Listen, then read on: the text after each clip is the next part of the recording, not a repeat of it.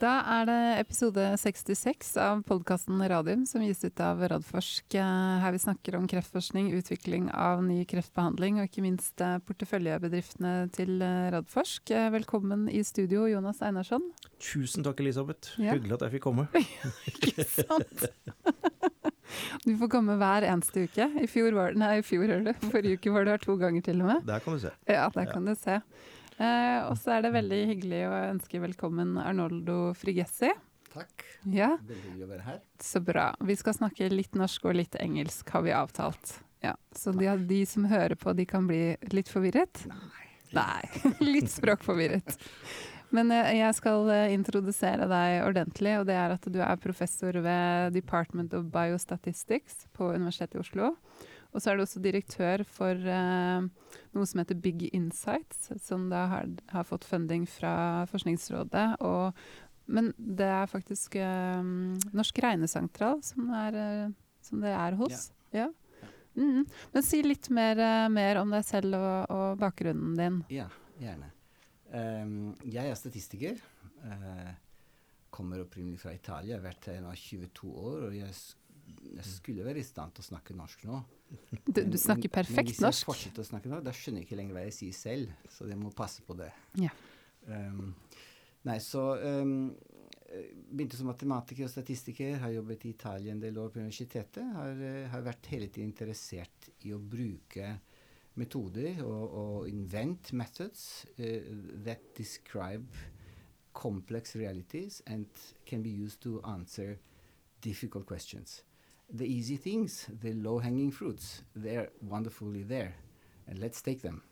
But sometimes it's important to do that next step, and I and I hope to be useful in that moment. And uh, the center that I lead is called Big Insight, is a so-called uh, center for for uh, for, for, uh, for research-based innovation, funded by the Research Council of Norway and uh, 12 industrial partners. We have a wonderful generous budget and um, many people that work on using machine learning and statistics to produce solutions that are innovative for our partners, uh, that that lead to commercial products, services, or also to innovation for the public good. Mm. Mm. That's uh, that's a nice approach. We like uh, we like the innovation and the common good uh, yeah. here in Radforsk. It's not contradictory. No, it's no. not. Either, I mean, there is a there has to be a profit because that's a sign of usefulness of things but how the profit it, the profit is divided mm. that's another question it can even be spread equally in the whole population and mm. that's mm, a very good profit for everyone mm. That's true. I think that's another discussion, though. Another discussion. I think we will keep uh, keep it to cancer and oncology here today. Um, the reason why we in invited you to come here is that I saw that uh, you spoke at the Cutting Edge uh, Festival earlier this fall. Um, which uh, is, uh, I think it's one of the Norges, uh, Norway's largest uh, techno and research uh, festivals. And there you had a topic, I think it was predicting the right cancer treatment for a patient using computer simulation. And that was uh, very mm. intriguing, so that's why we mm. invited. So tell us a bit mm. more about this uh, project. Yeah, so so this is a project that we have at the University of Oslo. It has been ongoing now for three, four years. And the, the, the, the, basic question is how to give the right therapy to the, to in the individual cancer patient. And, mm. and of That's course, the big question. everybody speaks about this, right? Yeah. And what has happened so far? I mean, so far, essentially, uh, the disease, let's take breast cancer, that's, that's what, what I've wor been working on, it has been more and more subdivided in, in subclasses and subtypes, mm. right? Defined by biomarkers, by other things. So now maybe there are 10 types of breast cancer. Somebody might say 20, 12. Mm. And, and this is a stratification of the patients. So it's you, you, you put patients in smaller and smaller, thinner and thinner groups. Why? Because you think that in each group, every patient will be will have the same response to a treatment. Mm. And then you try a treatment in a, in a, in a, in a study, in a, in a clinical trial, and it turns out that maybe only 20% of the patients in that thin strata really uh, respond to a therapy, which, which shows that heterogeneity is enormous. and everybody thinks that the heterogeneous is extreme, so that every patient is a one case, a unique case. Mm. And if it is like this, that every patient is a unique case, then we have a problem. Because then we can't run clinical trials anymore. A clinical trial requires two groups, right? A group of patient that is treated with something and the other one is treated with something else and then you compare. Mm. But if you think that the group is made by only one person, then there is no group. Nothing true. to compare with. Nothing to compare with. Yeah. And, and, and, and, and we are not we are not there yet, right? Mm. It is I mean modern cancer clinical therapy is, is not at this point, but we are going in that direction. So then I ask myself, so how do what do we do in that case? And uh, and uh, there are a couple of approaches, and our approach is is very simple. The simply the following: we take the one patient, we make very very many copies of that patient, and then we try very many treatment on each of these copies, mm. and then see what works and what doesn't work. And how do we do these copies? Well, we, are we don't want to do copies in, in the biological sense.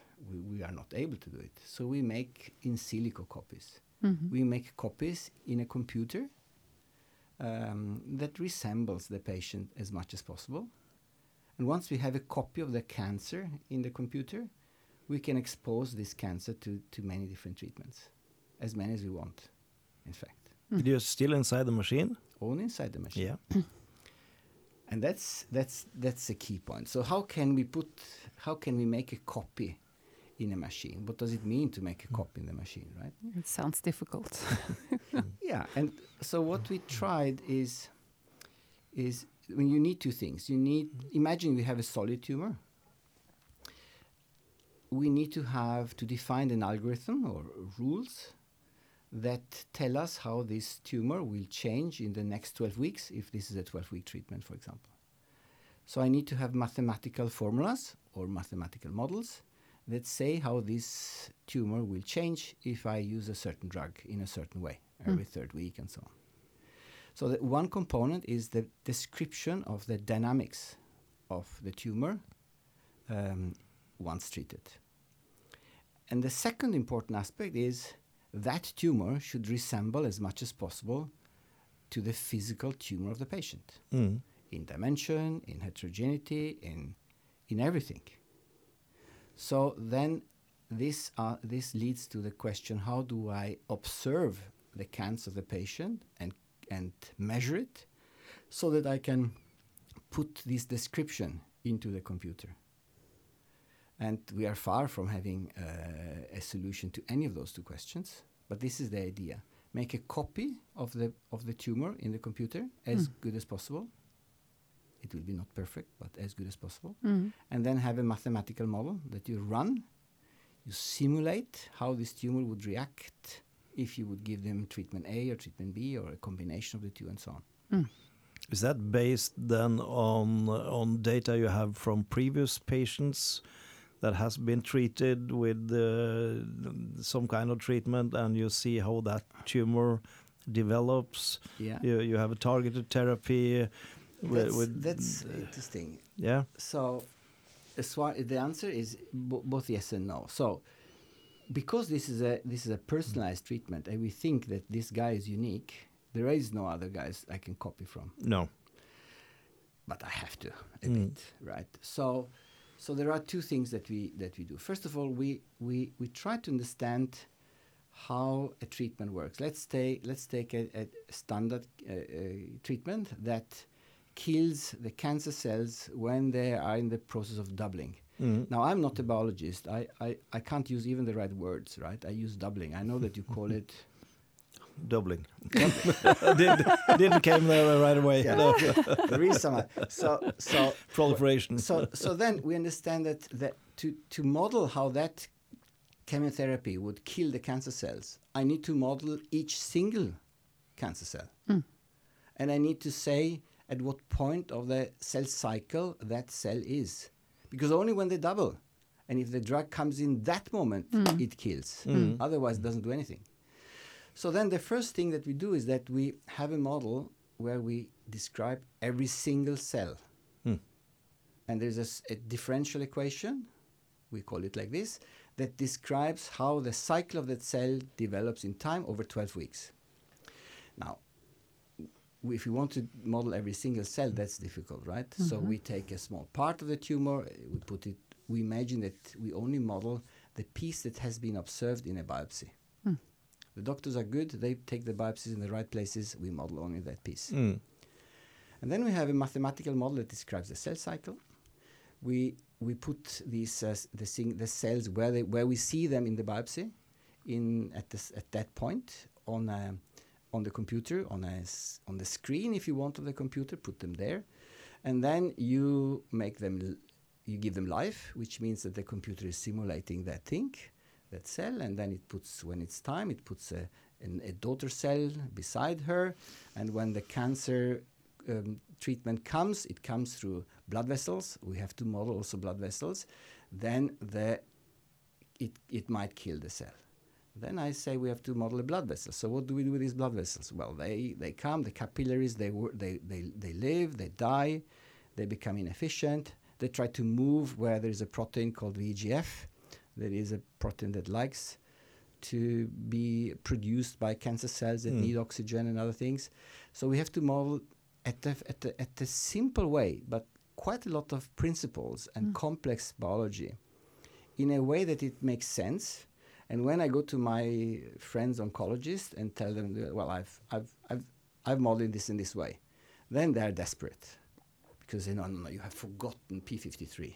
Or you have forgotten, you have forgotten uh, uh, that there's, there's a packing of the things. And th- th- of course, I, n- there, there are very, very many biological uh, mechanisms that are very important that we don't model today. Mm.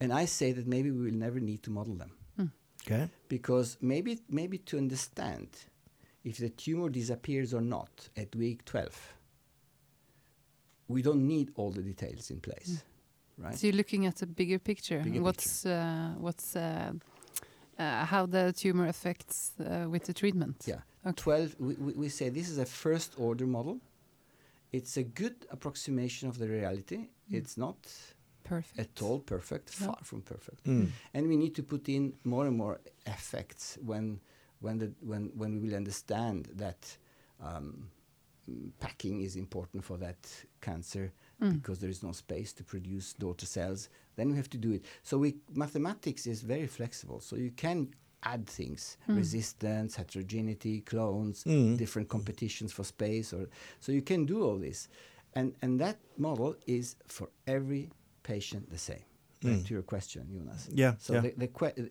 that model is the same for every patient Mm. what differs is the parameters that are in this model so there is a parameter theta. We use greek letters for parameters. Mm. theta. And you have you patient have a theta equal 3.2 i have a 7.5 and this comes from our genes. My genes are different from the other ones and therefore the parameter is different. And this makes a difference. So this value that goes into the mathematical model that is such that it produces different outcomes of us two if we have the same therapy. Mm. That was a bit complicated right? No, it was maybe- very intriguing. I, I think I followed. So yeah, no, no, uh, that really do. But uh, I think it was is is the, is this what you're working Mm. with uh, now? Is that uh, different kind of chemos, or can you model it for? The, of course, I'm going to come over to immune therapy and model the immune system in this. Yeah. So f- currently we have done it for for the FEC, the FEC chemotherapy, and for Avastin because we have patient data from a clinical study, I was saying that's targeted therapy, right? Yeah. Yeah. And they and and we have it's still breast cancer. it's breast cancer. Yeah. It's breast Mm. cancer. So that's what we are with what we are currently tested. We have uh, um, modeled uh, four patient patients. Um, two were responders after 12 weeks, and two were not responders at, at all. The, the cancer was there in the same way. Mm. And we can see that given the picture that we take of these four patients, and when we run our simulations exactly with the same therapy that the patient got in reality, at 12 week, our computer says, yes, the cancer is still there, Mm. as it is in reality. Mm. Yeah. So And- so so th- this is sort of your control arm is that you, you, you actually know what kind of treatment the patient is have got or is going to get, and you can measure the outcome of, of that patient Compare. and compare it. This is the validation exactly. Yeah. So here I validate. I can I can show that my model is good enough to predict something that has in fact happened. Yeah. Hmm. But if if your model predicts wrong, can they, they say that uh, the, the patient will respond to this treatment and the patient doesn't? Yeah. Can you use that as a learning tool Yeah. then to Yes. to redefine Yes. or or Yes, uh, if this would happen, then uh, I would probably say that that first order model, the mathematics that describe how the cancer grows and, and, and shrinks, that is probably okay. But what is wrong is that I have estimated that theta wrongly from the patient. okay? So he was not 3.72 as I put in. That was a wrong estimate. I have to go back and see the data, what, and try to capture. May, maybe make another MR, maybe make better data, Mm. more precise data to to estimate the parameters. Well, what is also interesting is that once I have a, a machine like this that can simulate a therapy, I can now try out a therapy that has not been given to the patient Mm. and see what, what would happen. Yeah.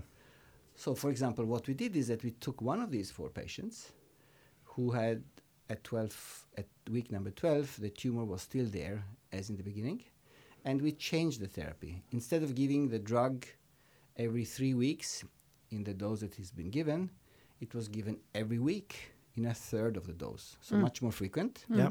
The total amount is the same. And for this patient, our simulation says that the tumor would have disappeared. Mm.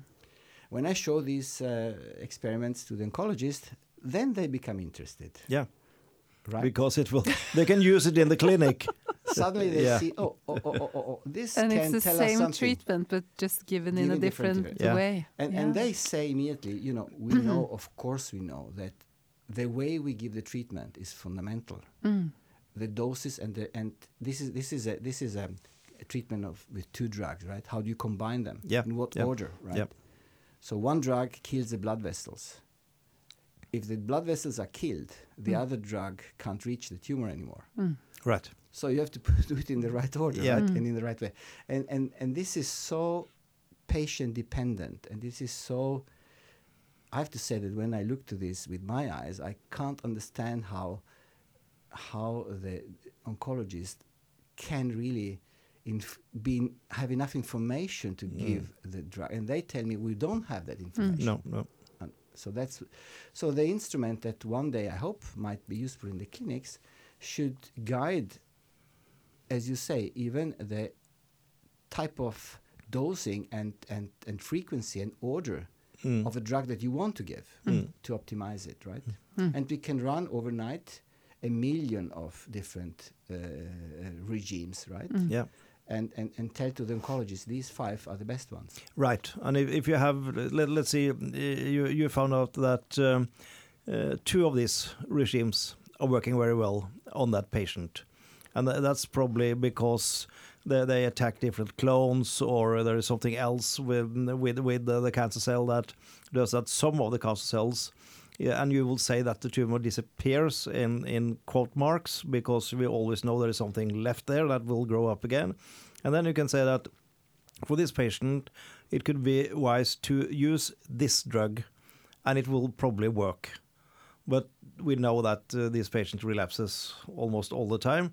And then in, instead of waiting for the relapse, you can start with one drug. And when you have uh, a good reduction of the tumor or, or can't see any more tumor, if you then give the second drug, you probably could then kill the Prevent the clones that you don't see but still are there. I don't. Is that kind of way you could use it? This was a good idea. yeah, thanks. Like. So, so we have a workshop here now. Yeah. so, so yes, so uh, it's an interesting point. So we we in, in the current model, we need to see something. Uh, we need to see the tumor to put it into the machine. Yeah. Right. We, I need we need MR images. We need all the possible genomics. We need uh, pathology. We need the bi- biopsies. Everything. We need everything that has been observed from the cancer before the therapy starts. I need to have it Yeah. to estimate that famous theta Yeah. to find out how how how is the the cancer uh, perfused how um, um, com- how compact it is, what is what is the the how is the stroma present, and so I, I need to have all this information. Now, when you say that we don't see anything anymore, I'm in trouble. Mm. But this is a good challenge, right? Yeah, Because yeah. what do I put in in my computer if I don't see anything? Cir- are- circulating tumor DNA. Yes, so I need to I need to make assumptions. Exactly. Then I need to make assumptions. Then I need you to tell me, well, assume that there are these few cells. Yeah. Right. Try try to assume that there are these few cells, seven cells in that th- three millimeters times two that you're modeling. Try to have seven cells. Let them live without any treatment in your model Mm. for three years. What would happen? Okay. I yeah. could do this. Yeah. And then we could see how they would develop. And then we could start to say, well, let's try to treatment after six months. Let's try to make a radiotherapy that kills this, Yeah. this, and this, right? So we could we could do this. It's a good idea.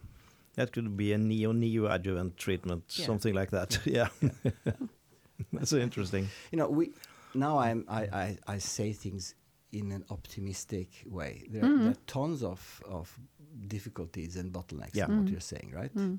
Yeah, because this sounds very complex uh, indeed. Um, I'm I'm uh, intrigued about uh, how you came up with this research project because it's not you alone. You have a No. large consortium Yeah. uh, working with you.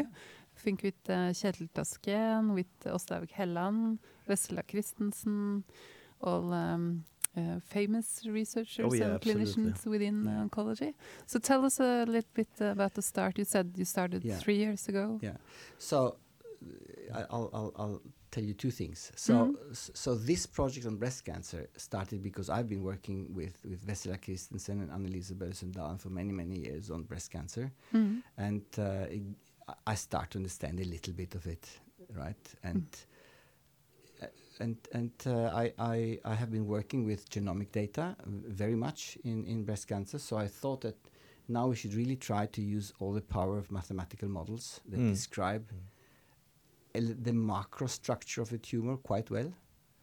Uh, and it started like this. Mm. Kjetil Tasken, he he has um, i- i- it's it's very interesting because his his approach to personalized cancer therapy is is very different. So what he does essentially, if I understand, you should ask him, uh, is is he takes the tumor cells. Let's say this is mainly blood cancer. So he takes tumor cells, grows them a bit, and then he he puts them in in in 400 small uh, plates Mm. and each of these plate is now treated with a certain drug. Mm. So he tries out 400 drugs or 400 combinations of drugs on the cancer cells of that unique patient Mm. and finds out which one works best. So this is a really, really, again, personalized cancer therapy approach. This is one patient. Mm. His copy, he makes copies of the cells Yep. again, right? You have to multiply it Mm. to to be able to treat. And he can maybe maybe he can test 400 uh, uh, combinations of drugs. Maybe in two years he can test 4,000 or maybe 40,000, Mm. right? And that's a wonderful thing. I hope that I can I can test 4 billions, Mm. Mm. right? So so So this it's this upscaling it's, that you it's do. an upscaling, and, Yeah. and it's it's these two methods I think will go in parallel. Mm. Yeah. I hope so, in the sense that my my uh, simulations can, for example, tell to Kjetil, these are the drugs that you should test because Mm. they look most promising. Mm. And I think that the doctors, but you will tell me, I think that the doctors they will trust a suggestion, a recommendation produced by an algorithm more if it has been tested on the cells of the patients and Yeah. confirmed. Yeah. Mm. As it is today, they will uh, absolutely do that. The, the the question and challenge will be that uh, if you if you take uh, cells from a patient uh, and you grow them. Uh, and you have, have a lot of, of, of these cells. Of course, you can divide them into plates um, and do this thing. But um, uh, how does that simulate the microenvironment uh, in the tumor? I mean, I mean uh, that, that that we have seen that you can you can take uh, out the cells, uh, clone them, try them and see that uh, this drug kills them perfectly, give them to a patient that doesn't work. Because there's something in the Yeah. micro tumor And environment. this is and this is this is an advantage of the mathematical simulation. Yeah, right? that- Bec- yeah, because I that, that that. that that simulates the whole bulk. Th- Yeah. That's the whole thing, right? And we have to definitely uh, simulate the microenvironment. Yeah. On the other hand, he works on the real cells. Yeah. Right. So I think so a combination. so I there, think the combination Yeah. will be interesting, right? Yeah. And Mm. and uh, and uh, um, uh, yeah. So I, I'm I'm optimistic, and uh, working together it has been really really wonderful. Do you also have industrial partners in this, right?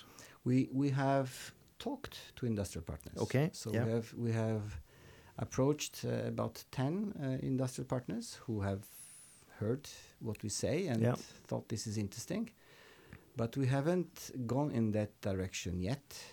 I see that we need a couple of validations still before we can really pitch it on. Yeah. Really.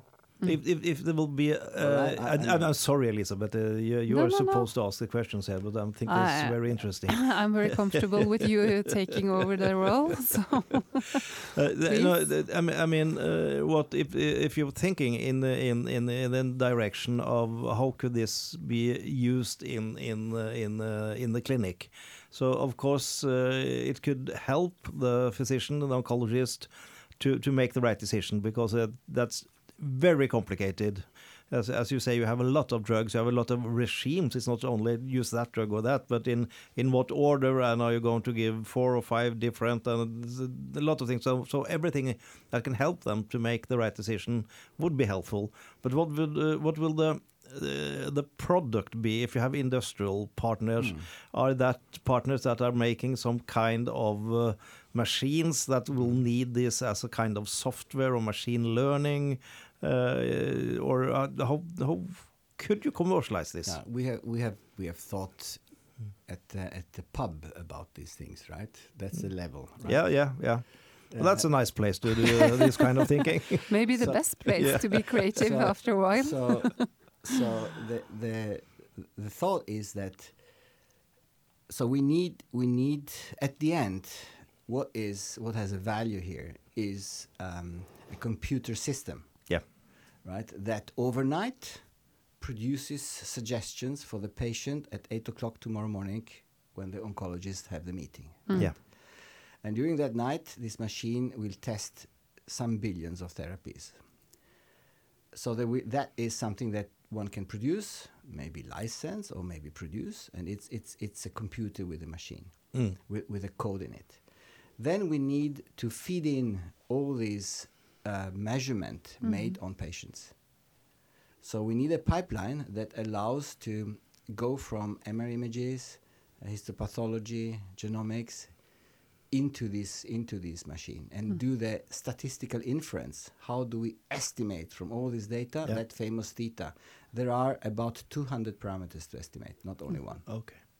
So so that part is again a piece of software, a piece of computer, but there's also some hardware in some sense connected. You need some some link to DIPS here in Oslo Yeah, or yeah. things like Mhm. this, right? Yeah, yeah, yeah. Yeah. But now we're dreaming, right? Yeah. Because we are far away from this, right? No, but, But I- this, but this you can extract from existing systems. Yeah, I But what so. the, what they have I already, so. The think so. oncologist, and what they use to assess Yeah. So in, we have in we the have, clinic today. we have seen that the data that exists today are good enough, but if we would have, for example, a better understanding of how the first two three weeks are going by a couple of additional MR images, Mm. that would be very very important. Mm. Right. And maybe it is not impossible if we if we show that this has a real value. It's maybe not impossible to convince a patient that to make uh, two additional MR is is really useful. Mm. What I'm thinking of is that um, the, what we're talking about is is uh, about now is sort of the the clinical real world. You know, you you you have a patient, you get the patient in, you get a biopsy, you get the MRs, everything, and then to decide what what to do, how to treat the patient.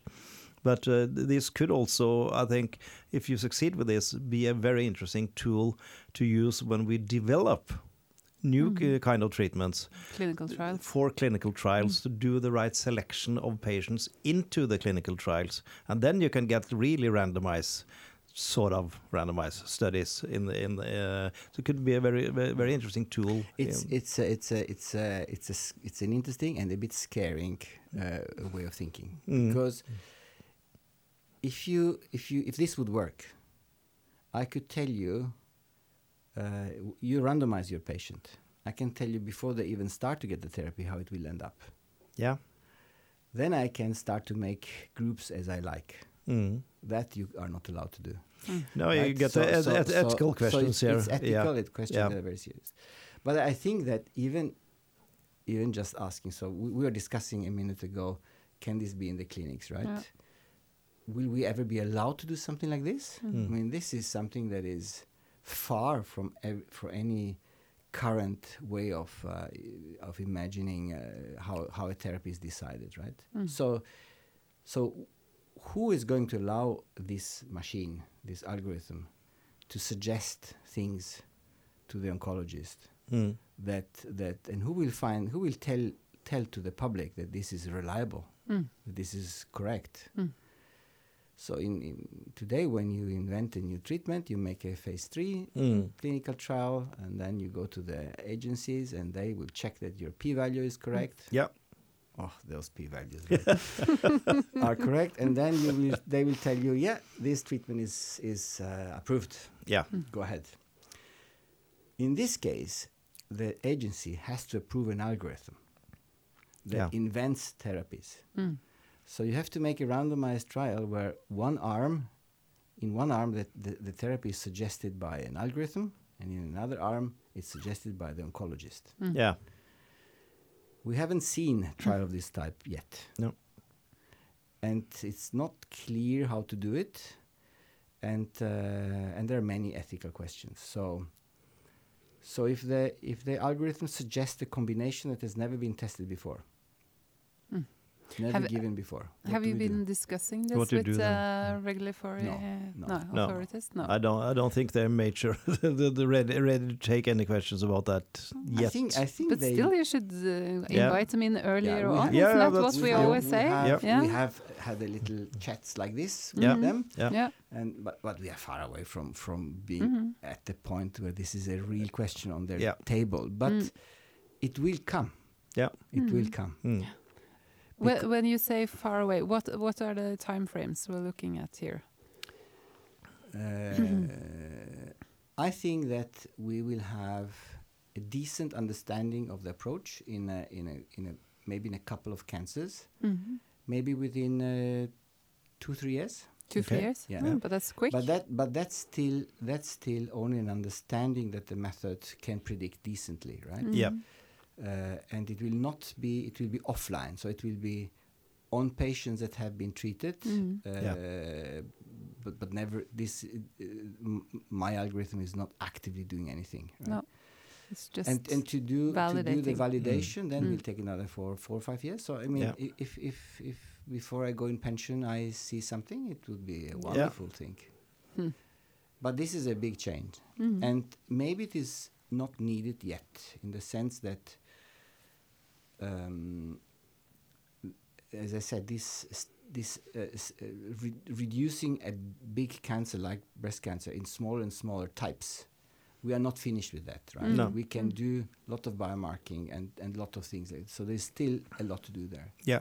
But one thing that you said it before, Jonas.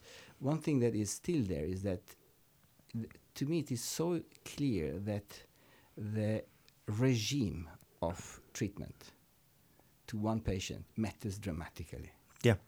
So I'm I'm a bit shocked and disturbed and puzzled by the fact that the standard treatment today is that dose every three week. Yeah. That's what's written in the book, right? Yeah. Mm, and, mm. and that's what is done. Mm.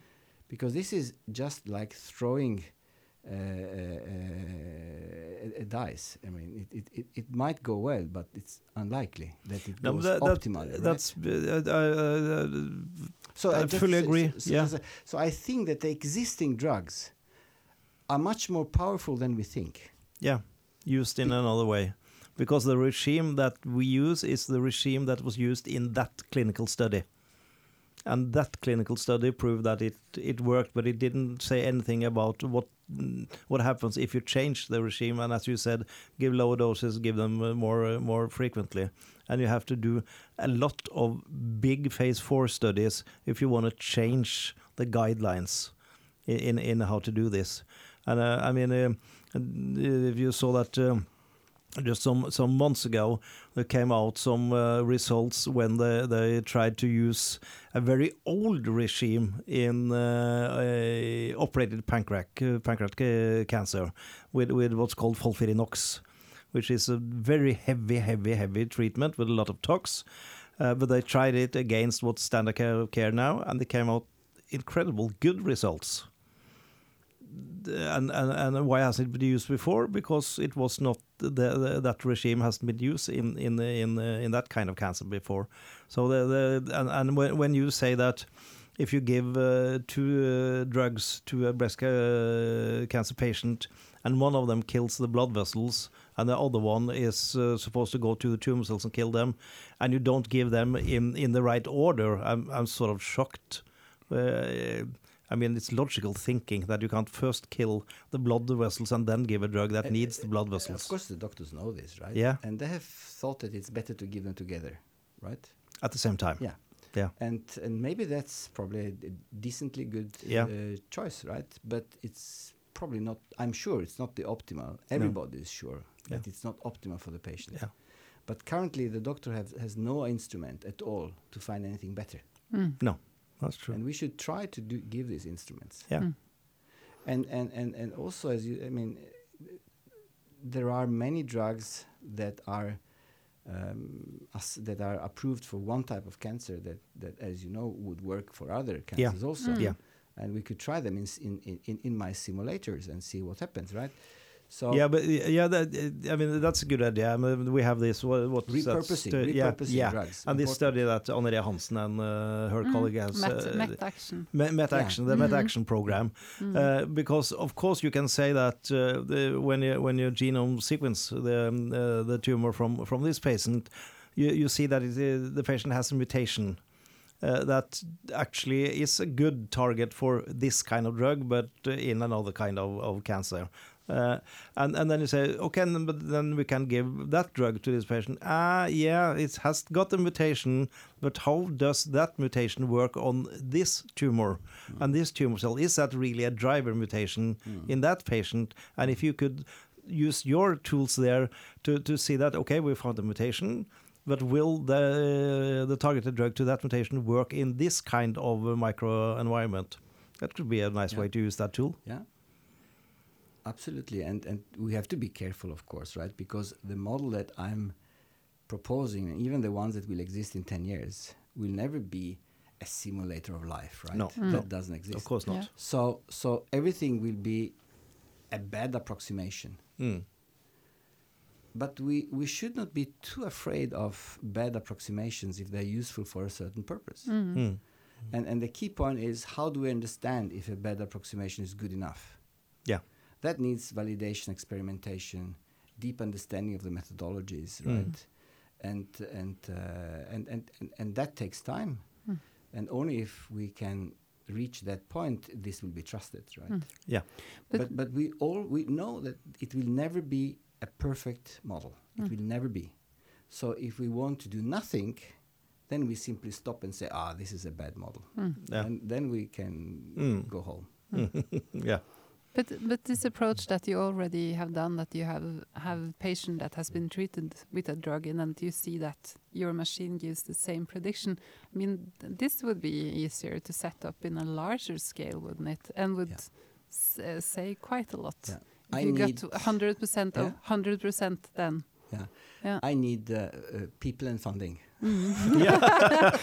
you too. Have you heard this before? Don't we all? because because uh, you, you, you know every drug needs to be reprogrammed in, in, in, in this system because every drug has other ways of action, right? You said immune therapy, right? So then you have to model T cells and blah Yep. blah blah. I don't even know what they are these No. things, right? but but but what I know is that we can do it. I mean, m- from a mathematical statistical point of view, this is feasible. Mm. Ha- so so it's just a question of um, power and energy and also having enough data from the patient Mm. that that allows us to say something on that tumor at, at, at the whole start. Yeah. So, for example, if we introduce T cells, I need to know roughly how many T cells there are around there. Mm.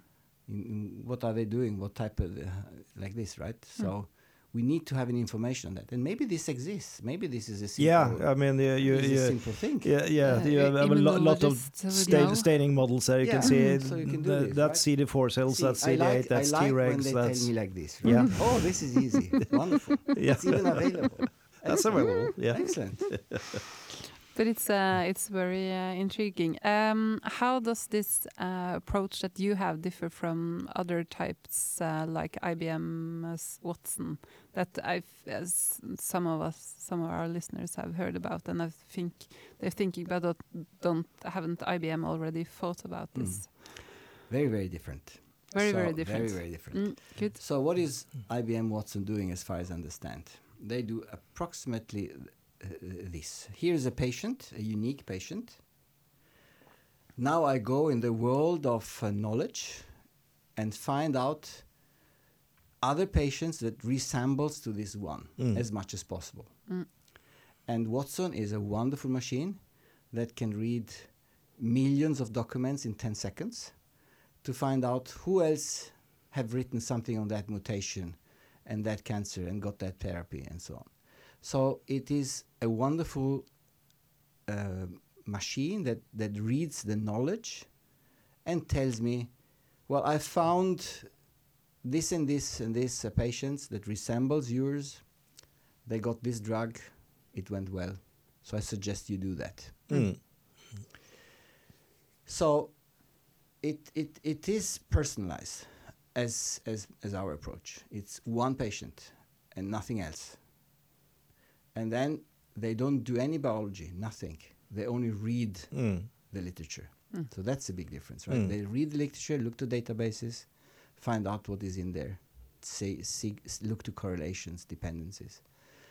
Our approach, in our approach, we think that we want to describe the biology, the mechanism, the tumor, the growth, the cell cycle, the, the, the diffusion of the oxy- oxygen in the tissue, because we understand it so well Mm. at, at, the, at the macro scale, these things are so well understood and so well described by partial differential equations and the stochastic models and cellular automata and, and, and, and Poisson models that these are so well understood, and so well tested that we can in fact describe the biology. So there is this big difference. Um, we think that, I mean, I think that I, I would like to understand better, again, how to combine these various approaches. Mm. Mhm. Because even if I tell you that I can do millions of or billions or whatever, in fact, every run takes time. So if we want to finish during a night, I can't do everything. Mm. So if Watson tells me what eight drugs I should test in all sorts of combination, I would be happy. Yeah, yeah. That's good. Interesting uh, combinations. Um, do you have some more questions? I'm trying to digest everything I've Yeah, learned today. So as uh, no, it's uh, very interesting. What is what? Maybe I can I can I can say one, one, one more thing. That is that I, I like to to to explain to myself because it's so so so one thing is to do the mathematic the mathematics of um, a system a complex system right to try to understand how to f- try to understand the rules that govern a complex system like a cancer Mm. it could be um, it could be the weather. I mean, I can make a mathematical models of the weather uh, to make the weather forecast tomorrow. So we are good mathematician. We we are good to describe in a in a in a, in a mathematical way complex mechanisms that change in time. Mm. That's the task of mathematics. And in some situations, there are these rules, they're known. The meteorology, they're known. Cell cycle is known. Mm. There are situations where nobody knows anything, right? And there are no rules. Then it's only the data that, that can help you. And, and I, I, as a statistician, I, I usually work only with data in situations where people don't know anything. And, and therefore, it's only the data that can guide us to some understanding. I think we should try to combine these two things as much Mm. as possible to exploit the powers of the data and the powers of the knowledge that humanity has accumulated and that is there. It's very sad Mm. not to use it. Mm. Sounds very wise. Yes, it And, does. and it does. simple, right? Yeah. It's the most simple thing we say. Yeah. Nothing more than that. Mm. Good. Veldig hyggelig å ha deg med, Arnolde. Nå slår jeg over på norsk. Vi har fått ett spørsmål fra lytterne. Skal vi ta det Vi sånn ta det kjapt. veldig kjapt. eh, på slutten?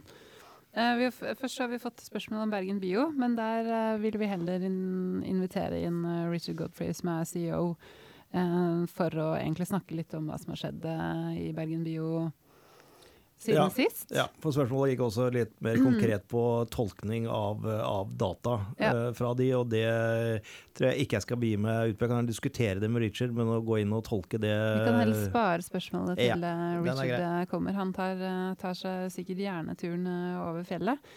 Uh, og så er det spørsmål i forhold til uh, forrige ukes eh, tirsdagssending, når vi gikk gjennom selskapene.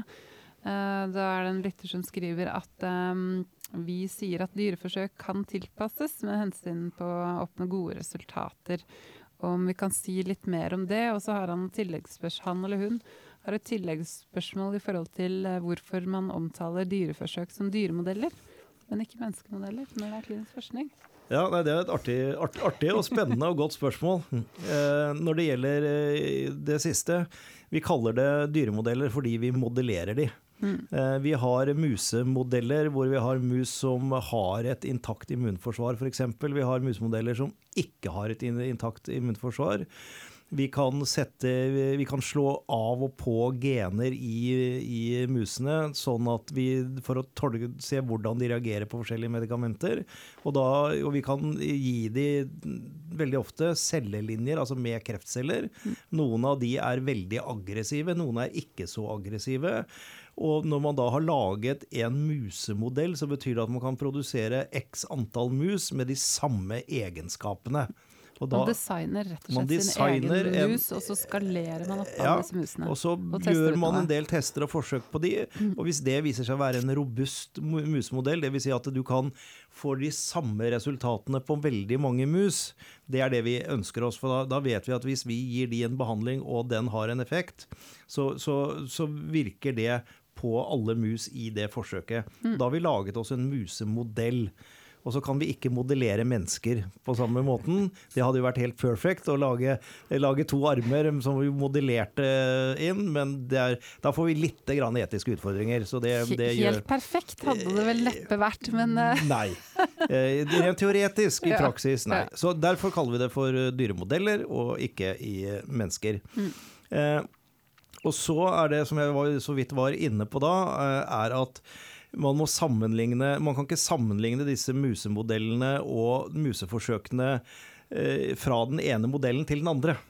Eh, et, et godt eksempel på det er at jeg fikk et spørsmål om et av selskapene våre som, som utvikler en, en medisin som skal brukes til å behandle spredning av ovariekreft til bukhulen, Oncoinvent. mm, Og de hadde laget en musemodell, og i den musemodellen eh, så var det en svært aggressiv eh, cellelinje som gir ovariekreft som de brukte.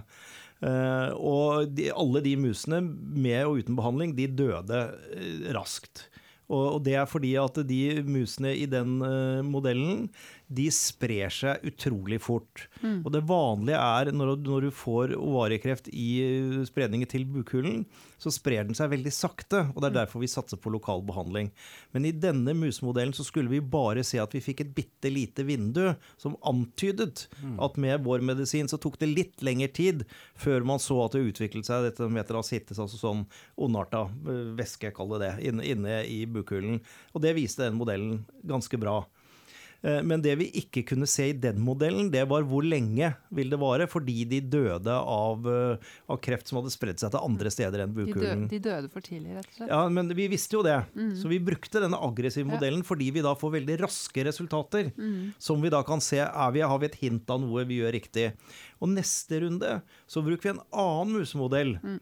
Hvor den, den, eh, den musemodellen er mye mer lik den humane i gåseøyne-modellen, altså hvordan det utvikler seg hos mennesker. Nemlig med at det tar mye lengre tid før den eventuelt sprer seg til andre steder. Da har du en helt annen musemodell, hvor du kan mye bedre se på lengden av varigheten eh, av eh, virkningen. Men, men det er også en modell som er mer komplisert å bruke og tar lengre tid å gjøre. Så to musemodeller brukt til to forskjellige deler av det prekliniske arbeidet. Så derfor er, må man ikke falle i den, i, de, i den fella at man begynner å sammenligne resultater fra forskjellige selskaper med forskjellige musemodeller. Nei. Hvis det er nøyaktig samme musemodellen, f.eks. BV16, som er den som brukes malignt melanom i en musemodell som er veldig kjent, veldig aggressiv, der kan man kanskje begynne å se litt. Grann. Men selv der skal man være litt forsiktig. Selv der skal man være svært forsiktig mm. med det. Det du kan sammenligne, er de musene som brukes i, i forsøket, altså med den samme modellen med og uten behandling. Det er det nærmeste som kommer en randomisert musemodell. Så bra. Ja. Elisabeth Ja. Frie, her nå må jeg spørre dere. Ja. En, en, en, alle disse selskapene som dere har, ikke sant? de produserer veldig gode data, Mm. veldig viktige data, og det er disse data som er helt sentrale til, til deres Ja. development. Jeg tror at hvis eh, disse selskapene og, disse selskapene er veldig gode i å analysere disse data og finne mm. ut hva er i disse data. Men jeg lover dere at statistikere er flinkere enn mange andre. Så jeg, jeg, jeg er hele tiden litt overrasket at Algeta klarer seg så godt uten statistikker. Ja. Vi, så så jeg, jeg, jeg tror at statistikk og machine learning må brukes mye, mye mer for å gå dypere inne i data man har. Fordi man kan få mye mer ut. Man kan kutte ut eksperimenter. Man kan, man, det går mye fortere. Jeg, jeg tror den, den synergien der med statistikkverdenen har man ikke utnyttet i full. Det har du helt rett i, og det er fordi at når det gjelder å utvikle medisiner eh, til å behandle kreft, så har man hatt en modell. Det er cellemodeller, det er musemodeller, det er eventuelt litt større dyre, dyremodeller. Det er fase 1, det er fase 2, det er fase 3, randomisert, alt dette her. Og så vet vi nå at med den kompliserte verden vi nå begynner å skjønne bitte lite grann av, nemlig med, med immunterapi, så må vi tenke helt på nytt. Og den gamle måten å utvikle kreftlegemidler på Jeg tror at om ti år, kanskje jeg rekker å se litt før jeg går om pensjon også, at den måten å utvikle kreftlegemidler på vil være helt annerledes. Vi vil kunne på et mye tidligere stadium, med bl.a. sånne modeller som du snakker om, kunne si at vet du hva, den medisinen her den kommer til å virke. Hos de og de pasientene, og vi viser det i et relativt lite antall pasienter. Og så bruker vi det. Så vi så på Iplumab, altså den første checkpoint-inhibitoren noen hundre pasienter før den ble godkjent. Så det er en helt ny verden, og det er helt nye tools, verktøy. Vi har et selskap som heter Bruk statistikken mer. Invitere de inn i selskaper. De, de er flinke, da. Da- å skjønne problemstillingen. Ja, nei, altså vi, vi må jo nesten gjøre det, og det må vi bli flinkere til. Jeg pleier å si litt sånn fleipete at når jeg gikk på doktorskolen for veldig mange år siden, så var det to fag jeg mislikte sterkt, og det var biokjemi og statistikk. Ja. Og nå jobber jeg ikke med annet, så der, Og her har du en der får jeg det tilbake. Da er jeg en biostatistiker. Ja. Og, det, og det, er et, det er viktig, ikke sant. Så vi, vi, vi har lært oss å, å undervise disse fagene bedre. ja. Jeg håper det, i hvert fall. Ikke sant? Ja. At, uh, Jeg skjønner jo en P-verdi nå, da. P-verdien er, er, er veldig vanskelig å skjønne det. Men, men, uh, men jeg, jeg tror det er viktig å, for oss å, å, å undervise disse, disse fagene. Er viktig, og Ja. For å forklare hva man kan virkelig gjøre ut. Jeg tror at alle legene må, må kunne statistikk mer. Fordi vi kommer å, å, å, å There is a flood of data. Ja. Jeg tror det er framtida, Mm. rett og slett. At uh, man ser på nye måter å håndtere alle disse dataene på. Mm.